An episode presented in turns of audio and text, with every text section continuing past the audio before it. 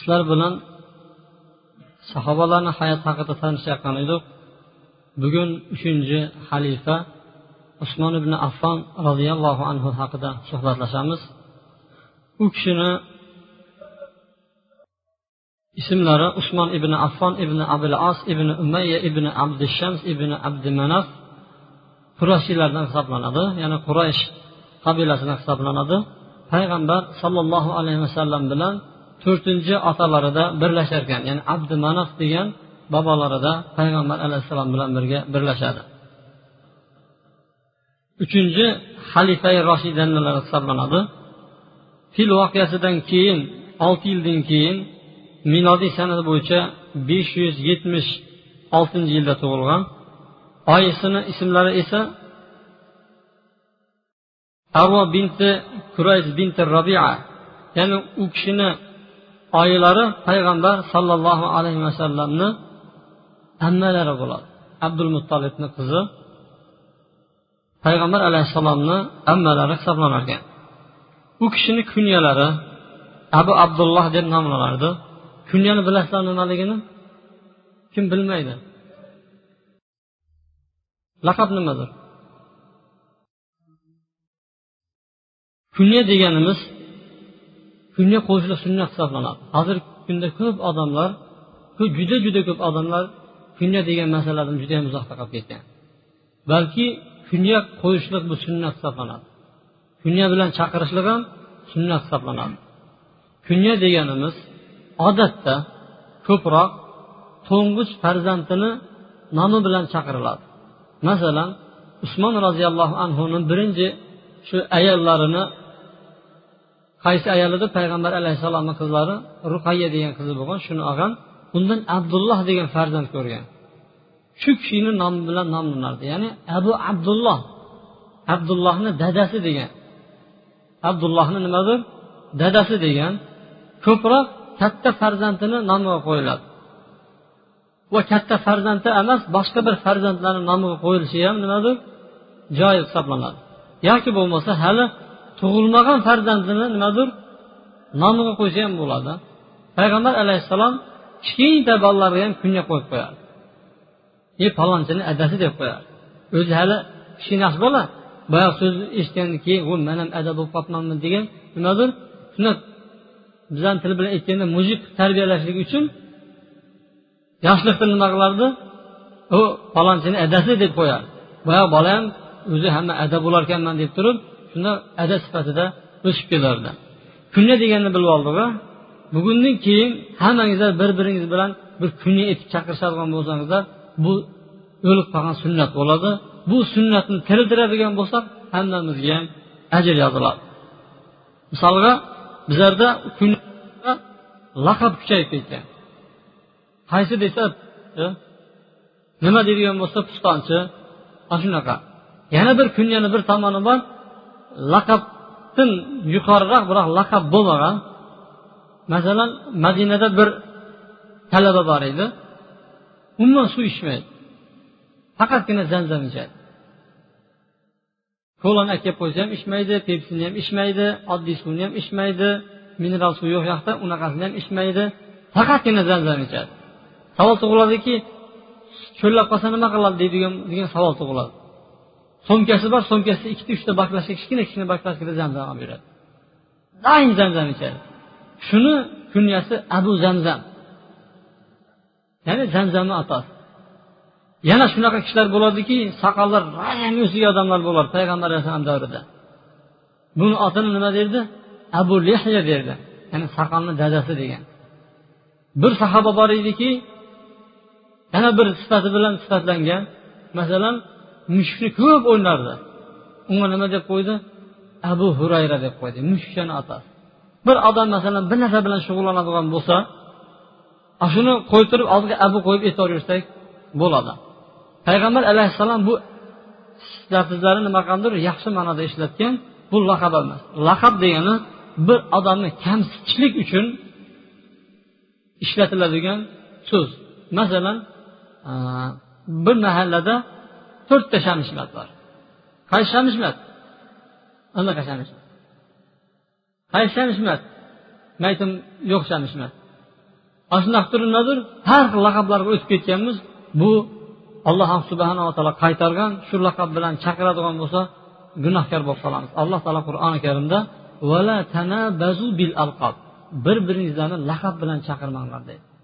Laqab qo'yishlik harom bo'ladi va harom bo'lgandan keyin laqab bilan chaqirishlik ham harom bo'ladi. Ammo bir kishini tushuntirishni iloji bo'lmaydigan bo'lsa qaysi deydigan bo'lsa ana shamishmatchi qaysi palonchini shundoq qo'shnisichi kimdir u qo'shnisi vo shunda magazin buyog'ida o'tiradi deydigan bo'lsa magazin aytyapsan desa shunda oxirida akka bo'lmagandan keyin endi iloji yo'q palonchi deb aytadi. Ungacha laqab etishlik nimadir mumkin emas harom bo'ladi bu narsa.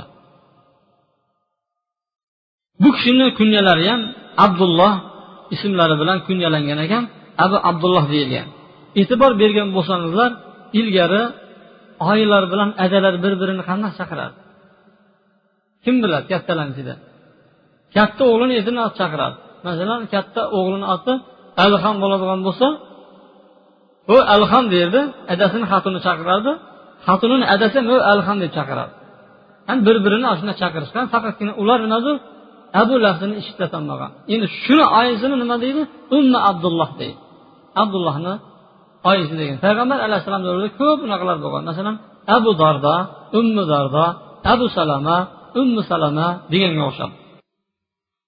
Payg'ambar sollallohu alayhi vasallam tomonidan u kishi zunnurayn degan nomga ham ega bo'lgan ekan. Zunnurayn degan ikki nur egasi degani. Payg'ambar alayhissalom yer yuzidagi biron bir payg'ambarni qiziga ikkita qizga bitta kishi uylanmagan. Faqatgina birgina usmon roziyallohu anhu payg'ambar alayhissalomni ikkita qiziga turmushga chiqqan ekan. Ya'ni birinchisi vafot etgandan keyin ikkinchisiga turmush chiqqan shuning uchun ikki nur egasi degan ataqqa ham ega bo'lgan ekan. Mana shu yerda yana bir narsani aytib ketsak bo'ladi. Zu degan so'z egasi degan so'z. Laqabdan yuqori turadi laqab emas. Payg'ambar alayhissalom davrida zulehya deb qo'ygan odam bo'ladi. Soqol uzun degan ya'ni soqolni egasi degan. Qo'li uzun odam bo'lardi. Uni otini nima derdi? Ikki qo'l egasi. Bitta kishini qarni radiyam katta bo'lardi. Uni baqaloq demaslikdagin qarinni egasi deydi. Haqiqatda u qarinni egasi. Shu egasi deb chaqirsa bo'ladi biroq laqab qo'yishlik ko'ppak yoki bo'lmasa sheyin deyishlik yaxshi emas. U kishini farzandlari va ayollari. U kishini o'n oltita farzandi bo'lgan ekan. To'qqiztasi o'g'il bola yettitasi qiz bola bo'lgan ekan va to'qqizta ayollari bo'lgan u kishini. To'qqizta ayollarni bir payt ushlab turgan emas bir paytni ichida to'rttasi bo'ladi. Ya'ni to'rttagacha ruxsat. Bunisini qo'yib yuborgan yoki bo'lmasa payg'ambar alayhissalom mana qizlar vafot etgan paytda ikkinchisini bergan. To'rttani ushlab turishlikqa joiz. U kishi vafot etgan paytlarida to'rtta ayoli bor edi. Romla noila ummu banin va e, sohita degan ayollari bo'lgan ekan. Biroq u ayolini boya ummu banin deganini taloq qilgan edi. Uylarida idda saqlayotgan paytlarida u kishi shahid bo'lgan usmon roziyallohu anhu. U kishini ayollariga to'xtalib o'tadigan bo'lsak ayollari boya yuqorida aytgan payg'ambar alayhissalomni ikkita qiziga turmushga chiqqan edi. Birinchisi ruqayyaga payg'ambar sollallohu alayhi vasallamni ikkita qizi ruqayya bilan ummu kulsun abu lahabni ikkita o'g'lida edi utba va o'tayda degan. Abbat surasi tushgandan keyin ummu jamil haqida ham va abu lahab haqida ham bir sura tushdi. Ikkalasi haqida ham eri xotin payg'ambar alayhissalom amakilari sura tushgandan keyin aytdiki ikkita o'g'ilga tez qo'yib muhammadni qizini deb shu bilan? Ikkala o'g'illari payg'ambar alayhissalom ikkita qizini qo'yib yuborgandan keyin shu ruqoyasini payg'ambar alayhissalom usmon roziyallohu anhuga nima qilgan ekan? Turmushga bergan ekan. Shu kishidan abdulloh degan o'g'illar tug'ilgan. U o'g'illari madinada turgan paytlarida olti yosh bo'lgan paytlarida yosh oltida bo'lgan paytlarida uni ko'zini xo'roz cho'qib oladi tag'in ko'zi ko'r bo'lib qoladi. Keyin shu bilan vafot etgan bo'ladi. U ayollari ham badr jangidan xushxabari kelgan paytda musulmonlarni g'alaba qozonganligi xushxabar kelgan paytda u ayolini endi dafn qilib turgan bo'ladi. Payg'ambar alayhissalom qaytib keladidagi usmon roziyallohu anhuni o'zi tashlab ketgan bo'ladi va ikkinchi qizlarini payg'ambar alayhissalom u kishiga turmushga bergan ekan. Turmushga berishga sabab u kishi judayam xafa bo'lib turgan paytda ey usmon nega xafa bo'ldingiz? degan paytda hech kimga boshqa tushmagan musibat meni boshimga tushdi. Payg'ambarni qizi meni ostimda edi payg'ambar bilan bir qarindosh urug'chilik urug' baylantiradigan narsa bor edi. U ham to'xtab qoldi deganda mana jibril kelib turibdi ikkinchi qizimni ham sanga berishlikka. Manga ollohdan shu xabar olib keldi. Shunga birinchisiga qancha mehr bilan bergan bo'lsam shuni ham shu mehr bilan ikkinchisini sanga uzatdim degan ekan. U kishi u qizlari ham to'qqizinchi hijrat yili vafot etgan paytda aytgan ediki payg'ambar alayhissalom agar yana bitta qizim bo'lgan paytda sanga beravergan bo'lardim degan ekan. Shunda bir sharafga ega bo'lgan kishi u kishini sifatlari bo'yi judayam baland bo'lmagan va bo'yi judayam past bo'lmagan o'rta bo'yli kishi ekan. Istarasi nihoyatda ochiq. Go'shtdor soqoli ko'p bug'doyrang sochi qalin yelkalari yo'g'on sochlari o'sik kishi bo'lgan ekan. Baldirlari baquvvat va libos kiyib yuradigan bo'lsa shu boldiridan kiyib yurar ekan. To'piqgacha tushirmas ekanda shu boldiridan kiyib yurar ekan. Payg'ambar alayhissalom mo'min kishini pastki shimi dedi ishtoni dedi boldirgacha bo'ladi dedi. Undan tushsa bo'ladi boldiridan to'piqqacha lekin ko'proq kishilar shuni kiyib yursa bu mo'minlik alomati bo'lar ekan. Ammo hozirgi paytda sho'rtiklarni shu sho'rtikligicha bo'lsa savob yo'q. Bu sunnat payg'ambar alayhissalom yaxshi ko'radi. Mo'min kishini izori shunaqa bo'ladi deb turib sho'r kiyadigan bo'lsa shu sho'rtigiga nima qiladi? Ajr savob oladi. Agar niyatga sunnat deb kiyadigan bo'lsa fabrikani o'zi chiqarib qo'yibdi deb kiyib yursa savob olmaydi. Bir kuni oysha roziyallohu anhu aytadiki payg'ambar alayhissalom o'rnida yotgan edi meni libosimni oyog'ini ustiga bundoq tashlab olgan edi deydi. Shu bilan eshik taqilladi. Abu bakr so'radi kirib ko'rdi shu bo'yicha berdi deydi. Keyin deydi hojatlarini o'tadi ketdi. Undan ko'ra keyin umar ruxsat so'radi kirdi payg'ambar alayhissalom boyagi bo'yicha yotaverdi yana so'radi izn so'radi boyagi nimadir ruxsat so'rab ketdi shu bo'yicha yotaverdi keyin taqilladi kim desa usmon deydi. Shunda payg'ambar alayhissalom tez tez kiyimlaringni yig'ishtir deydi. Tart o'zingga deydi kiyimlarni yig'ishtirib ol deydi payg'ambar alayhissalom o'tirib oladi. O'tirib usmon roziyallohu anhu kiradi tagin ishini bajarib chiqib ketgandan keyin abu bakr kirdi shu bo'yicha yotdingiz umar kirdi shu bo'yicha yotdingiz nega usmondan undoq qildingiz degan paytda usmon nihoyatda uyatli dedi. Judayam uyatchan dedi. Shu aytadigan gapini ham esini chiqarib qo'yadim dedim tagin. Shuning uchun boyagi ishni qildim degan ekan. Ba'zi odamlar shunaqa bo'ladida yosh bolalarini yoki bo'lmasa kattalarini ham yuboradi. Shunda uyingga kirib qolsa uyda katta to'la mehmon o'tirgan bo'lsa nima uchun kelganligini ham bilmay qoladi. Choyni ichatda turib ketib qoladi. U darvozaxona chiqqandan keyin qaytib keladi. Anaqa shuni echki kelgan edim deb turib. Usmon roziyallohu anhu judayam qattiq uyatgan bayoq holatda ko'rib turib aytadigan dardini aytolmasdan ketib qoladim deb turib shuning uchun yig'ishtirib oldim degan ekan. Boshqa bir hadisda usmon nihoyatda uyatchan farishtalar ham uyalar ekan undan shu farishtalar ham uyaladigan zotdan man nega man uyalmay deb aytgan ekan. Usmon roziyallohu anhuni islomni qabul qilishlari. Usmon roziyallohu anhu islomni eng avvalda qabul qilgan kishilar payg'ambar alayhissalom darul arqamni uyida islomni o'rgatgan va islomni ta'limi uchun yig'iladigan bir uy bor edi. Safoni tepasida ana shu yerga hali yig'ilmasdan turib islomni qabul qilgan kishilar ekan. Islomni birinchi kim qabul qilgandir? Hadisha onamiz keyinchi. Abu bakr ikkinchi bo'lib man qabul qildim desa hech kim indamas ekan. Ya'ni ali roziyallohu anhu oldida ham aytar ekan balki u kishini haybatlari monelik ham bo'lishi mumkin. Har xil rivoyatlar bor. Birinchi hadicha keyin zayd qullardan yosh bolalardan ali katta kishilardan abu bakr deyilgan bo'lsa to'g'ri bo'ladi. Shu da'vatni qabul qildiyu shu kunni o'zidan boshlab turib da'vat qilishni boshladi. Shundoq ko'chaga chiqqan paytlarida usmon roziyallohu anhu tijorat qilib turib qaytib kelayotgan ekan judayam katta tijoratchilardan bo'lgan tijorati bilan qaytib kelayotgan paytlarida aytadiki ey usmon dedi san o'zing aydoh kishisan. Haq bilan botilni o'rtasini ajrata bilasan. Mana qavmi ibodat qilayotgan butlar eshitmaydi ko'rmaydi gapirmaydi qimillamaydi zarar ham bermaydi ziyon ham yetkazmaydi shifo ham bermaydi. Bilasanmi o'zing? dedi. To'g'ri bilaman dedi. Ana dedi muhammad deydi alloh subhanaa taolo uni payg'ambar qilib jo'natdi. Unga ergashmaysanmi? endi bo'ldi ergashaman dedi. Bir og'iz so'ziga nima qildi?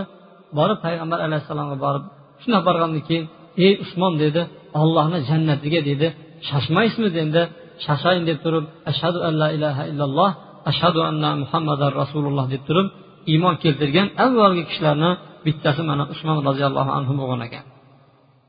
Usmon roziyallohu anhu tijorat bilan qaytib kelayotgan paytlarida uxlab yotgan paytda aytadiki bir kishi turib turib ey uxlab yotgan odamlar makkadan ahmad ismli bir kishi chiqdi. Shunga tezroq bormaysizlarmi? deb aytadi. Payg'ambar alayhissalom oldida musulmon bo'lgandan keyin boyagi so'zni aytib bergan ekan. Mana mana shu ekanda deb turib.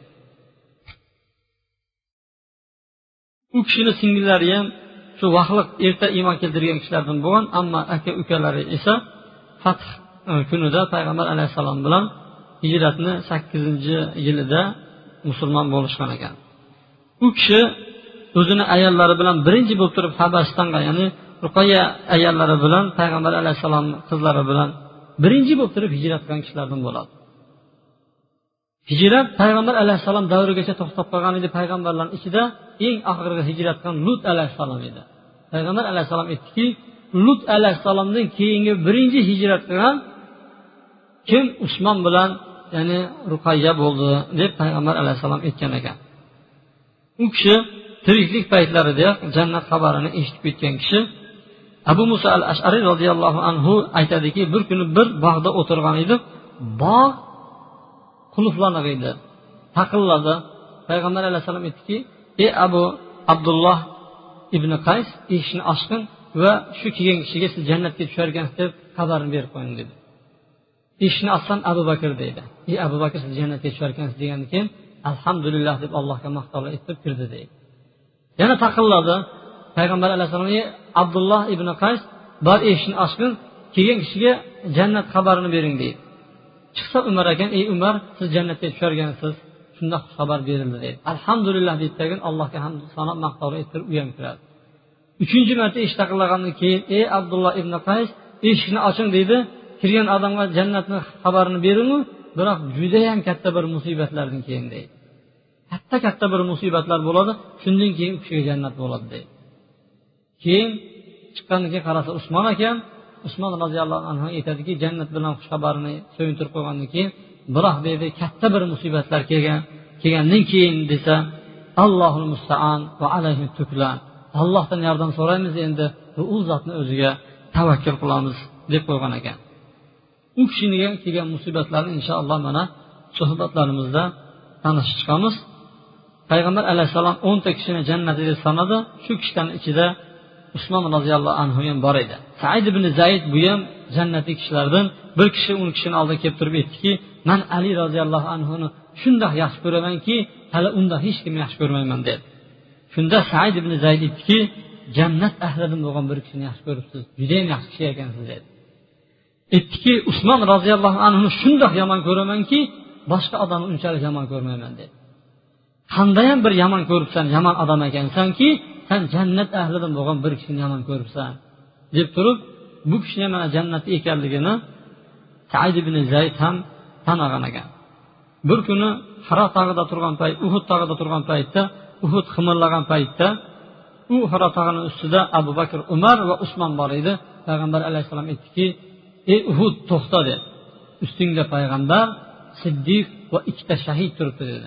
mana bitta shahidni bildik o'rgandik qanday shahid bo'lganligini umar hattobni usmon roziyallohu anhu ham shahid bo'larkan سبحانك اللهم وبحمدك أشهد أن لا إله إلا أنت أستغفرك وأتوب إليك alloh taolo hammamizni ham ashoblariga ergashtirib u kishilarni yo'llaridan borishligini hammamizga nasib qilsin وصلى الله وسلم على عبدك ونبيك محمد وعلى آله وصحبه أجمعين برحمتك يا أرحم الراحمين السلام عليكم ورحمة الله